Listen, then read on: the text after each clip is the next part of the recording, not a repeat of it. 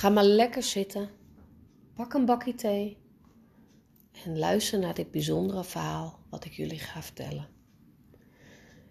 Toen ik nog klein was, ben ik eens een meneer tegengekomen. En deze meneer had iets magisch. Hij vertelde mij over een nacht, over zijn bijzondere huisdier en over iets wat hij meenam. En waar hij dan een jaar lang mee deed. Het was zo'n bijzonder verhaal dat ik er jaren over na heb gedacht. En nu, nu wil ik het graag met jullie delen. Maar ja, omdat het wel magisch is en dus een beetje geheim is, is het wel heel belangrijk dat jullie het voor jullie houden. Dat het alleen tussen ons is. Deze nacht kwam mijn man thuis. En het bijzondere huisdier, dat was een rendier. Uitgeput aaide de man deze nacht zijn rendier. Hij mompelde wat en het rendier dat snoof. Zijn warme, vochtige neus was vlak bij het oor van de oude man. Het zit erop, beestje, zei de man zacht. Nu mag je rusten. Verdrietig keek de man in een glanzende oog van zijn trouwe lastdier en het laat zijn kop zakken, alsof het zich schaamde voor zijn eigen vermoeidheid. Troostend zei deze man: Ik ben ook moe. We hebben hard gewerkt en ver gereisd. Voorzichtig legde hij een deken over de rug van het rendier. Hij schudde even zijn hoofd. Hij voelde zich toch zo teleurgesteld. Andere jaren kwam hij in de nacht van de tweede kerstdag toch tevreden thuis. Hm, wat was dit je anders? Het rendier draaide zijn kop half naar hem om. En dan zegt het met woorden die alleen de man kon verstaan. Anders hoeft niet altijd slechter te zijn. De man knikte, maar ja, er nu nog niet in geloven. Ga maar slapen, zei enkel. Nog een keer strilde hij zijn fluwelen nek en ging de stal uit. Langzaam liep hij naar zijn eigen houten hut. Hij hijgde en hij worstelde tegen de wind in. En het was ook nog eens met striemende vlokken gaan sneeuwen. Binnen pookte hij snel het vuur op en zuchtend schoof hij zijn gemakkelijke stoel dichter naar de haard en ging zitten. De man lette er niet meer op de storm, want hij voelde zich nog steeds verward. Andere jaren genoot hij zo van dit moment. Moe, maar voldaan zat hij dan in zijn stoel voor het vuur. Zijn voeten op de kachelplaat en in de vlammen had hij weer al die blije gezichten gezien. Hoeveel kinderwensen waren er niet in vervulling gegaan? Maar nu? Weer schudde hij zijn hoofd. Het met hem aan de hand? Hij doet zijn ogen dicht, leunde achterover in zijn stoel en het gebulde van de wind klinkt al verder en verder. De geluiden worden doffer en doffer en de kin van de man zakte op zijn borst. En plotseling hoorde hij een stem. Arme man! Geschrokken dook de man omhoog.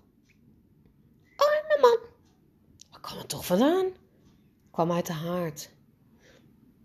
De man staat op en hij kijkt naar het vuur. Toen zag hij iets. Het leek wel op een dwergje. Was dat toch? Als hij van de verbazing is bekomen, wordt hij eigenlijk een beetje boos. Nou, laat me eens met rust. Moet je mijn kerstfeest verknoeien? Wie ben je eigenlijk?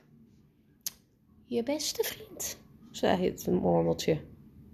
De stem in je hoofd en ik wil je behoeden voor nog meer domme streken. Domme streken? Het elfje zuchtte. Ja, jaar in, jaar uit breng je met kerstmis overal op de wereld cadeaus rond. Ondanks je hoge leeftijd vertrek je telkens fris en vrolijk. Maar hoe kom je terug? Doodmoe, bekaf, versleten, uitgeput, koud, kleumend en met gele zakken. Je bent en je blijft een arme, domme, oude man. Met lege zakken? De man veert op. Nee, de zakken van de cadeaus zijn leeg, ja. Natuurlijk zijn die leeg, maar de zakken van mijn broek. Wacht. De man staat op en hij pakte een trommeltje van de schoorsteen. Hij haalde het dekseltje eruit en hij keek erin. Het was leeg, tot op de glimmende bodem. Dan grijpt hij met beide handen tegelijk in zijn zakken van zijn broek. En hij haalt er iets uit wat alleen deze man kon zien. En hij stopt het in het trommeltje. Hij pakte zijn pijp van de schoorsteen en hij ging weer zitten met de trommel op zijn schoot. En ineens moest hij weer denken aan de woorden van zijn rendier. Anders hoeft niet altijd slechter te zijn. Een handvol zand lijkt ook weinig. Maar ga de korrels maar eens stellen. Glimlachend keek hij naar het vuur. Hij knikte het elfje toe. Ik kom veel rijker terug dan dat ik ga. Dit viel wat tegen, maar toch, ik ben rijk. Nou, laat je rijkdom maar eens zien, vraagt de elf. Weer knikte de man en terwijl hij de trommel openmaakte, hij zacht. Geluk is een fijn poeder dat rond de kinderen zweeft. Uit elk huis waar ik kwam, nam ik een klein beetje mee. En dan zwijgt de kerstman. Hij dacht terug aan de andere jaren. Toen was het trommeltje altijd vol. En nu is het maar half vol. Hij heeft dit jaar zoveel lege huizen op de wereld gezien. Niemand woonde er. Er brandde geen licht, er speelden geen kinderen. En er waren er ook nog eens huizen waar heel veel mensen woonden. Er werd hard gepraat en de kinderen maakten de ruzie. En in die huizen kon deze man nauwelijks gelukspoeder vinden. Hij zucht en keek nog eens naar het vuur. En het elfje grijnst nog steeds. Ja, zei de kerstman, ik was teleurgesteld. Maar als ik zuinig ben, heb ik genoeg poeder om er tot volgend jaar kerstmis van te genieten. De man zuchtte tevreden en hij begon zijn pijp in te stoppen met wat gelukspoeder. Heb je daar al die moeite voor gedaan? Vroeg de elf. Het is meer dan je denkt, mompelde de man nog voordat hij zijn pijp aanstak.